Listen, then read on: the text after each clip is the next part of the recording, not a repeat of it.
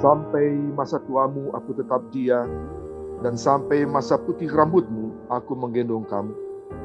Aku telah melakukannya dan mau menanggung kamu terus. Aku mau memikul kamu dan menyelamatkan kamu. Bapak, Ibu, dan anak-anak terkasih, perkenankan saya Pendeta Emeritus Engkih Ganda Kusuma mengajak kita berdasarkan firman Tuhan dari kitab Nabi Yesaya 46 ayat 4 tadi. Untuk bersatu hati dalam doa di tengah pergumulan kehidupan bangsa Indonesia. Ya Bapa yang Maha Kasih, sebagai bagian dari bangsa Indonesia, dan khususnya kami sebagai kaum yang telah lanjut umur, kami menyadari bahwa ada banyak keterbatasan-keterbatasan yang harus kami hadapi. Kami harus tinggal di rumah, kami tidak dapat berkumpul dalam ruang-ruang ibadah. Kami mengalami hambatan-hambatan ketika mau beribadah secara daring.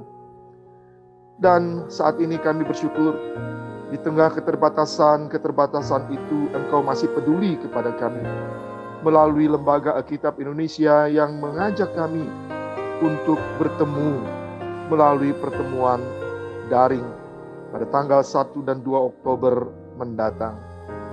Kami percaya bahwa kesempatan ini adalah anugerah yang Engkau berikan kepada kami, kaum lanjut umur, untuk dapat berjumpa secara nasional, untuk dapat berbagi rasa, berbagi sukacita di tengah keterbatasan kami ini.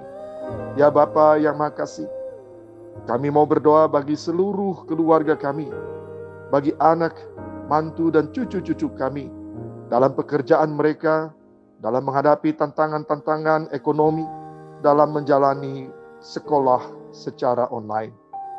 Kami percaya bahwa Engkau tidak akan pernah membiarkan kami sama seperti firman yang telah Engkau nyatakan sampai masa tua, sampai rambut putih, Engkau tidak akan pernah membiarkan kami.